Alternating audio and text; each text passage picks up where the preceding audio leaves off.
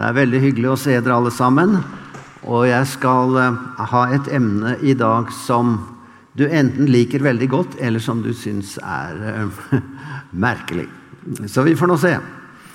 Uh, for når vi er samlet til kristne møter, så er det for å lære om Jesus, ikke sant? Styrkes i troen, hjelpe hverandre til å tenke og oppføre oss i samsvar med Guds vilje.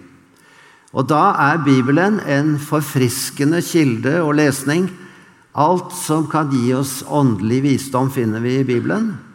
Og Temaet for denne helgen er jo 'I Guds hånd'. Men i dag vil jeg ta fram noe som ikke så ofte tas fram. Om det åndelige lederskapet i lagene, foreningene og fellesskapene våre. Åndelig lederskap ut fra Paulus' modell.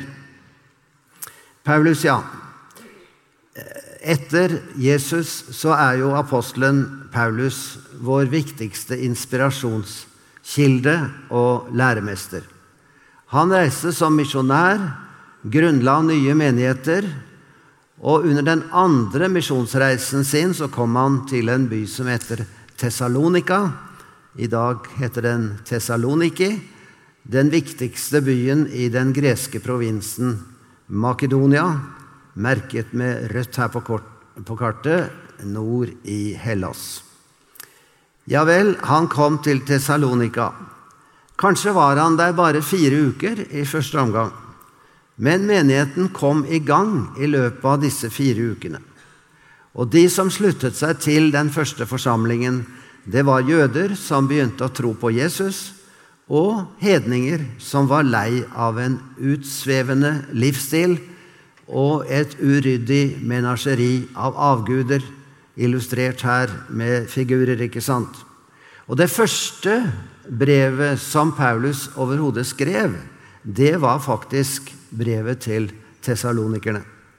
Og det var bare 20 år omtrent etter at Jesus var stått opp fra de døde. Og hvorfor skrev han? Det var for å oppmuntre de nye kristne og hjelpe dem på troens vei. Hvordan ble de en forsamling? Hvordan ble de en menighet, en flokk av troende? Det var forkynnelsen av Guds ord som var avgjørende. Paulus skrev med stor glede om dem. Derfor takker vi også alltid Gud for dette. Da dere fikk det ordet som vi forkynte, så tok dere imot det, ikke som et menneskeord men som det i sannhet er, som Guds ord, som virker med kraft i dere som tror. Og dette er avgjørende viktig når vi tenker på liv og vekst i de kristne fellesskapene, også i vår tid. Vi må ta imot Bibelens ord som Guds ord, ikke bare som tidsbestemte, ufullkomne menneskers ord. Nei, og så bæres dette ordet videre av vitner som peker på ordet, og mennesker som formidler ordet med overbevisning. De kan være med å skape et nytt liv i forsamlingene og i enkeltmenneskers liv. Det skjer altså når ordet forklares og anvendes på livet slik vi lever det i dag. Paulus altså fikk en rolle her med å være kirkegrunnlegger. Og vi kan spørre hvordan opptrådte han i Tessalonika de få ukene han var der i første runde? Vi kan lære noe av det. For han opptrådte annerledes enn vi kanskje ville ventet. Vi er vant til å tenke i roller og opptre i det. Og det er noe av det vi må lære gjennom livet, at vi har ulike roller. Som små barn så tenker vi ikke over det. Vi er rett og slett barn. Det er en rolle. Så kan vi innta rollen som en ungdom, og snart så lærer vi av andre ungdommer hvordan ungdommer liksom skal oppføre seg. Men så er det jo så viktig med en mor og en far som har sine roller og sine holdninger. Og så i arbeidslivet opptrer vi som medarbeidere, eller kanskje som ledere, og vi er da omgitt av forventninger. Vi blir flinke, flinke i noen roller eh, og holder oss unna andre roller for de klarer vi ikke så godt, og andre har den rollen, og vi skal ikke gå inn i den. Av alle, uansett holdninger og roller som vi får, så ventes det lojalitet, ydmykhet og trofasthet på hver vår plass. Det var litt om de roller vi kan gå inn i. Og da vil jeg spørre litt mer om hva slags rolle hadde Paulus da han grunnla menigheten i Tessalonika. Så skriver han jeg alltid, kunne alltid sikre meg liksom en posisjon og respekt som Jesu fremste utsending. Jeg kunne komme som en høvding. Jeg kunne vært en dominerende personlighet. Men han gikk ikke inn i den rollen. Nei, han søkte ikke ære av mennesker. Og så kommer sitatet selv om vi nok hadde kunnet opptre med myndighet som Kristi apostler. Ja vel, han var nummer én av apostlene og kunne slått i bordet. Her kommer jeg. Nei, vi var milde iblant dere.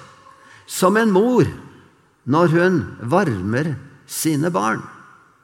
I inderlig kjærlighet til dere ville vi gjerne gi dere ikke bare Guds evangelium, men også vårt eget liv. Hvorfor? For dere var blitt oss kjære. Vi var blitt så glad i dere. Jeg hadde en stor kjærlighet til dere. Derfor gikk jeg inn i denne rollen, sier Paulus. Og Hvis vi tenker litt mer på dette, så er det jo ganske forbløffende at apostelen sammenligner seg selv med en mor. Til og med en ammende spedbarnsmor, hvis du går inn i grunnteksten. Så misjonæren gjør seg til en myk og kjærlig leder. Han inntar rollen som en mamma som varmer babyen ved brystet sitt. Han slår ikke bordet med sin autoritet, opphøyer seg ikke som en åndelig sjef, han er mild, tålmodig, ja, så selvutslettende at han er villig til å gi livet sitt for de nye kristne. Og Han var jo faktisk også utsatt og holdt på å bli tatt livet av av de som var imot ham. Men det er en annen historie.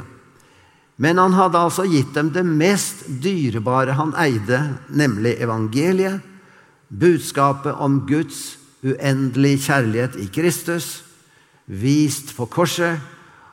Og det var en slik en kjærlighetsgave at den måtte følges av en annen kjærlighetsgave, og det var at han ga seg selv for dem i de roller som Herren ledet ham inn i. Ja, nå er jo ikke du og jeg apostler eller menighetsgrunnleggere. Eh, men vi er kristne som er innsatt som medlemmer i Guds familie på jorden og skal spille våre roller og ha våre holdninger i den sammenheng. Der kan vi være barn. Vi kan være foreldre av og til til noen. Vi kan være venner med noen. Vi kan være tjenere for noen. Ja, det er mange ulike roller som foredles av en ekte kjærlighet. Tenk litt mer på den rollen som den gode mor som Paulus sammenlignet seg selv med. Tenk på mildheten, kjærligheten, selvoppofrelsen hos den nybakte mammaen. I begynnelsen er hun mest mulig sammen med barnet, prater og smiler, steller med kjærlige hender, myke hender, ikke sant? Barnet elsker det, å bli tatt på og kjelt med og klappet og mest mulig sammen med mor, naturligvis. Og så passer hun på at barnet får god næring, brystmelk og mulig, og senere allsidig og mer og mer fast føde ettersom man tåler det. Barnet trenger desperat å bli passet på, hvert sekund, så å si, i visse tider. I møte med all slags farer så må hun ha et våkent blikk. Og en mor stiger ned på barnets nivå, bruker barnets språk som barnet skjønner, og leker barnets leker. Tenk at den maskuline Paulus Og folk flest som ikke vet så mye om Bibelen, de sier Paulus han var jo en trollmann, en harding, og han var jo så brutal. Nei, det er ikke sant. Han var en mild mor, den maskuline Paulus. Han kunne bruke et så feminint bilde om seg selv og om sin egen tjeneste. En mor blant dere. Så det var, Dette var Paulus opptatt av som en menighetsbyggende mor. Han skapte et miljø også som ble fylt av gode impulser, som barna, de åndelige barna kunne vokse i i denne store byen, Tessalonika, som det var en liten menighet i første omgang, og hvor de var ganske kort kommet som åndelige barn, men han var tålmodig. Han lærte dem f.eks. noe veldig viktig, og det var å være varsomme når det gjaldt å velge åndelige veiledere. Det var ikke snakk om å invitere hvem som helst i menighetssamlingene bare fordi de var religiøse, eller fordi de trodde stort om seg selv. Nei, Paulus sa, pass på at de gir dere åndelig mat, evangeliet, at de ikke kommer med vranglære. Og så viste han gjennom bildet av den gode mor at vi skal ta oss av hverandre i sykdom, svakhet og motløshet. Det er så viktig, og det vet vi hva en mor betyr. Også for oss som er voksne og kanskje blitt syke kortere eller lengre tid, å ha en kvinne som hjelper oss, støtter oss, og motsatt en mann som hjelper kvinner. Vi skal være for hverandre i slike roller, ikke sant? Og Romerbrevet 14,1, der skriver Paulus.: Ta dere av dem som er svake, uten å dømme dem. Det er lett å bli dømme, dømmende, opphøye seg over de som er svakere. Nei, ikke gjør det, sier Paulus. Den gode åndelige mor forakter ikke de som er unge, de som er uferdige, de som søler litt på duken, og de som slurver litt med det ene og det andre. Hun sier ja, ja, det går fint. Hun, de vokser det av seg. Hun smører seg med tålmodighet, vet at vekst og modning krever tid, ja, masse tid så blir det skikk på de fleste, ikke sant, etter en stund. Den gode kristne lederen er altså ikke bare en som står på toppen av ærestigen og blir hyllet både her og der. Det er menn og kvinner som har funnet en rolle blant de kristne. Blant barna og de unge, de som er kommet kort på veien, de som er kommet lenger på veien, de som lengter etter en ekte kristen kjærlighet der er det roller å fylle. Slike ledere kan lede barna, de åndelige barna, til å fungere godt i menigheten, senere i samfunnet og alle relasjoner som de etter hvert kommer inn i. Slike ledere trenger vi. Og jeg må tenke på at vi lengter etter slike åndelige mødre. Og jeg skal komme til fedre også men altså mødre som lærer oss kommunikasjon. Å sette ord på ting og bruke ord riktig for å uttrykke følelser og behov og kunne diskutere saker og ting. Det er så grunnleggende at barna lærer det tidlig. Og det må vi lære i forsamlingen også. Å vise respekt for hverandre, leve i ærefrykt for hverandre, å sette mennesker i en rett frihet. Må ikke binde dem. Må ikke gi menneskebud og si sånn, nei, sånn kan du ikke gjøre, sånn må du ja, Og så er det liksom en rolle som blir menneskebundet. Nei, sett dem i frihet. Du er fri i Kristus. Så jeg snakker altså ikke bare om kvinner i denne rollen, for Paulus han gikk som mann med glede inn i morsrollen. Jeg må ta et sideblikk til at det er jo en del ledere som er litt for mye selvopptatte, litt for styrete. Og jo mer de blir utfordret på sitt lederskap, desto mer eh, klynger de seg fast til det. Og jo mer deres autoritet blir kritisert, desto større vekt legger de på sin posisjon. Og her er det igjen ordet korrigerer oss. Tjenestens vei er en ydmykhetens vei. Vi har lært av Jesus dette også, ikke sant? Å ta på seg rollen som en tjener. Da Jesus fant fram et håndkle og et vaskevannsfat og begynte å vaske skitne føtter, så ble disiplene hans helt rystet. Dette var jo arbeid bare for slaver. Slik kan vel ikke en rollemodell som Jesus oppfører seg, en leder, et forbilde, kan han virkelig ta slaverollen? Ja, de var jo opplært i dette i den sekulære verden og den tid de levde i. Og vi tenker sånn også nå. Der er det lederen som skal bli betjent, ikke en som skal tjene. Ofre seg? Nei, hva er det for noe?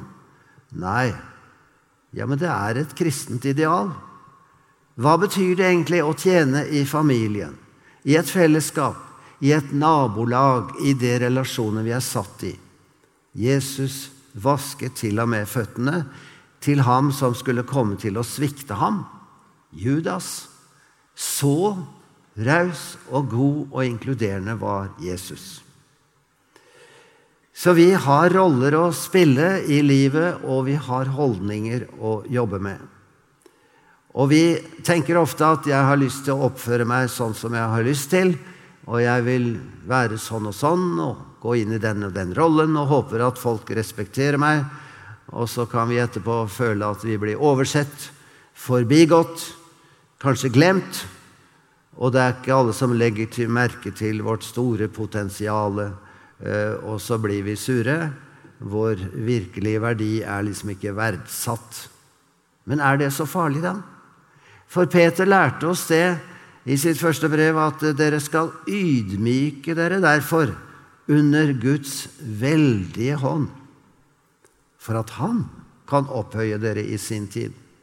Det vet Gud å gjøre, å opphøye, å gi en posisjon, å gi en stilling. Og jeg sier ikke det er galt å ha sjefer med en viss myndighet og mennesker som er forbilde, men de må være mestere i ydmykhet og tjenersinn, leser jeg ut av Bibelen. Det går an å spille en falsk rolle, opptre som skuespiller, til og med som en hykler. Og I første del av 1. Tessalonikerbrevs andre kapittel, der, der jeg altså er nå, der går han i detaljer inn på roller og forventninger. Og han, I de første versene så snakker han hvordan man lett kan spore av fra de rette rollene og holdningene. Nei, vi skal være sanne, sier Paulus. Vi skal opptre med integritet, være helstøpte, eller som det er moderne å si nå, at man er av hel ved. Paulus snakket om dette i en annen sammenheng da han skrev om at vi må ikke skikke oss lik med denne verden, ikke legge opp livet vårt etter denne verdens skjema, snakker han på en måte om der. La ikke verden tvinge deg inn i sin form. Ditt skjema skal være annerledes enn verdens skjema. Paulus skrev også ettersom Gud har funnet oss verdige til å bli betrodd evangeliet. Det er en veldig undring for ham. Tenk at jeg, som har vært en kristendomsforfølger, sier Paulus, jeg ble aktet verdig til å få dette store evangeliet. Ja, når jeg har fått det, så er jeg ikke opptatt av å snakke for å behage mennesker og please de der ute, liksom. Nei, jeg skal behage Gud, Han som prøver våre hjerter, står det der i vers 4. Vi er kalt til å bli Guds etterfølgere, som Hans elskede barn, og vandre i kjærlighet, liksom også Kristus elsket oss og ga seg selv for oss, som et gave og som en, et offer, en vellukt for Gud. Og Da er vi i Efeserbrevet, kapittel 5, vers 1-2. Ja, er vi Guds etterfølgere, så prøver vi å lære av Han å tenke rett. Og tenker vi rett, så tenker vi også riktig om våre roller i forskjellige sammenhenger og til forskjellige tider. Vi kan ha en masse ulike tanker og idealer som svever omkring oss i samfunnet, og de kan fange oss i vår tankegang og i vår rolletenkning. Men her sier Jesus du skal tenke annerledes. Og Paulus bekrefter det så sterkt. Og nå våger jeg å ta fram noen aktuelle eksempler for hvordan verden presser på for sine idealer, sine holdninger, sine roller. Hvis vi tenker på barna, så vet jeg jo at mange strever med det at uh, unge og til og med små barn altfor tidlig blir hekta på skjerm ikke sant? og på dataspill. Eh, og hva handler det om i mange av disse spillene? Det helt enkleste er jo at du skal være våken, og så kommer det farende inn noen ukjente troll, og de dukker opp plutselig, så skal du knekke dem ikke sant? og slå til kjappest mulig. Og det blir jo som en besettelse. Du ser på barna, de er helt sugne på dette å klikke og slå ned.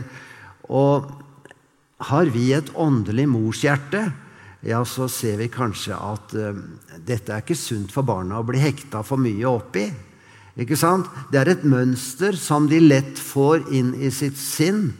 At man skal være litt redd for fremmede som dukker opp. De er fiender. Vi må slå dem i hjel. I stedet for Bibelens ideal. Vi skal se på fremmede som venner. Inkludere dem. I utgangspunktet ta vennlig imot dem. Er ikke det interessant å tenke på hva slags idealer som vi litt ubevisst kan få inn i barna våre. Og Jeg skal ikke si at alt dataspill er synd, men jeg sier bare at eh, den våkne veileder om ord kan veilede her og sette sine grenser. For å ta noe enda mer kontroversielt eh, Jeg tenker på tankemønstre i fotballverdenen som i enkelte tilfeller kan peke i andre retninger enn det Jesus lærte oss i evangeliet. Blir du tatt ut til å være med i fotballaget som barn, f.eks., ja, da er du en vinner. Da er du et seiersmenneske. Men blir du vraket, ja, så er det tungt for mange. Du har liten verdi. Men da skal vi tenke på det at Jesus han valgte seg noen disipler, og de var slett ikke førstevalget for denne verdens strateger, tror jeg. Og en annen sak er at Laget som jeg heier på, det må for all del vinne, men å tape en kamp, det er et skikkelig nederlag. Så andreplass, det er eh, dårlig. Du skal være en vinner, ikke sant? Nå skal ikke jeg si at all tankegang i sportsverdenen er mindreverdig. Vi lærer positivt å handle sammen i et lag, og vi lærer disiplin og samhold. Men jeg bare sier det kan være noen idealer Eh, som det gjelder å tenke kristelig på. Er det tilfellet i alle fotballens tankemønstre at det er kristelige idealer som de unge lærer? Og For å ta noe enda mer kontroversielt og nært eh, Vi omgis av amputerte regnbueflagg med bare seks farger av sju, som vi vet. Og pride-ideologien, ja, det er en ideologi. Den oppfordrer deg til å følge dine lyster. Ansvar, familie, rolle som mor og far, barn og foreldre blir tonet ned. Antagelig ikke helt fornektet, men omformet, om mulig. Vi skal ikke lenger være styrt av bibelske normer for ekteskap og trofasthet. Det blir undertrykt i denne ideologien. Og da må jeg spørre har vi åndskraft nok til å skille mellom rett og galt? Når det til og med vaier et pride-flagg på stortingsbygningen. Det er blitt en så gjennomtrengende ideologi. Og Vi kunne snakket mye om dette, men dere skjønner, jeg skal ikke dømme lettvint ting. Men jeg bare spør prøver vi alle tendenser på Bibelens idealer? Og for å ta dette spørsmålet om makt og klatresamfunnet Det setter lett sine spor i tankelivet. Det gjelder å komme seg opp og fram med ære, posisjoner, lønn og status. Det kommer så lett inn i samfunnet vårt. Men Jesus lærte oss en ny måte å tenke på. Dere, vet, eh, sier han, at de som gjelder for å være fyrster for folkene, de hersker over dem. Og deres stormenn bruker makt over dem. men slik skal det ikke være blant dere. Men den som vil være stor blant dere, skal være alles tjener. Og den som vil være den første blant dere, skal være alles trell, slave. For noen ord av Jesus, for noen idealer, for noen roller å tenke på eh, som forbilde for oss. Nå må ikke dere bare se meg som en feminist fordi jeg har snakket så mye om mor, for eh, jeg tror at det er for lite kommunisert. For Paulus snakker også om farsrollen. Han så på seg selv også som en åndelig far. Han skrev til de kristne i Tessalonika dere vet også, i vers 11 og vers 12 i kapittel 2, dere vet også hvordan vi formante hver enkelt av dere. Enkeltvis tok jeg dere for meg, sier Paulus, som en far gjør med sine barn, og oppmuntret og vitnet, for at dere skulle vandre verdig for Gud, Han som har kalt dere til sitt rike og sin herlighet. Se på den flotte sammenstillingen. Sitt rike, det er noe stort. Hans herlighet, det er så fantastisk. La oss nå vandre, kjære barn og venner, på en måte som er verdig dette. Så skal jeg summere det opp her, så ser vi at Paulus i sammenhengen legger vekt på en undervisende rolle som en far har, også til å være et tydelig forbilde han viser hva det betyr å elske sin hustru, som Kristus elsket menigheten og ga seg selv for den. Sterke ord og idealer, også det. Og den gode far, han oppmuntrer, trøster, veileder og rettleder. Og en kristen skal leve verdig her i verden og annerledes, preget av den kommende verdens verdier og idealer. Paulus tenker ikke høyere om seg selv enn om andre kristne. Han ønsker å styrke dem i en ydmyk ånd. Han ser seg selv som en tjener og leder med Jesus som forbilde. Jesus vasket disiplenes føtter. Han uttømte seg selv i en selvutslettende tjeneste, og han sa til Peter, 'Elsker du meg? Ja, da må du gi mat til mine lam.' Det sa han til farsskikkelsen Peter i denne sammenheng. Så husk at det er ikke nødvendig som en kristen å tenke så mye i roller, i forholdet mellom kjønnene f.eks. Roller kan være kulturbestemte, men det er holdningene vi skal lære av Bibelen. De skal styre våre tanker og handlinger, og kjærligheten kan overprøve alle slags forventninger om hvordan menn og kvinner skal opptre i Jesu navn, vi kan godt opptre litt annerledes, bare det er kjærligheten som driver oss. Og den ugifte Paulus han synes å være stolt av at han kombinerte mors- og farsrollen overfor de nye troende. Når Paulus snakker om mor og far som forbilder for sin egen tjeneste, så tenker han på livet i den kristne forsamlingen som en familierelasjon. Paulus hadde en ekte kjærlighet til dem han tjente. Nasjonalitet, rase, kjønn, sosial status Det var ikke viktig for ham. Og Paulus elsket sin flokk. Han ønsket dem nåde og fred, takket Gud for dem, bekreftet dem og ba for dem alltid. Paulus er et godt eksempel på en som ba for vennene sine, dem han kjente, og til og med fiendene sine. Så skal dere få en liten oppsummering av dette kapittel 2 i 1. Tessaloniker brev, så har han altså gitt seg selv rollen som mor, vers 7, far, vers 11, forvalter, vers 4, og forkynner, vers 13. Og dette er et underlig samspill som jeg har lest meg til i en kommentar. For gjennom disse bildene så viser han sin lojalitet både mot de troende som enkeltvis, og til forsamlingen som helhet, og han så sin lojalitet mot Skriften, åpenbaringen og det han hadde fått overlevert. Så når Paulus er forvalter og forkynner, så skal han være forpliktet i forhold til ordet, som han skal lese, lære, studere, legge det ut, anvende på livet, og overbevise mennesker om hvor godt det er å adlyde dette ordet. Men så hadde han altså en stor plass for dette å opptre som mor og far. Eh, så Paulus sine lederroller har vi mye å lære av. Forvalteren, forkynneren, er opptatt av saklighet og innhold, lære og sannhet. Mor og far har sin styrke i å vise kjærlighet og tålmodighet. Og her trenger vi en balanse. Sannheten kan være hard og kald hvis den ikke mykes opp av kjærligheten.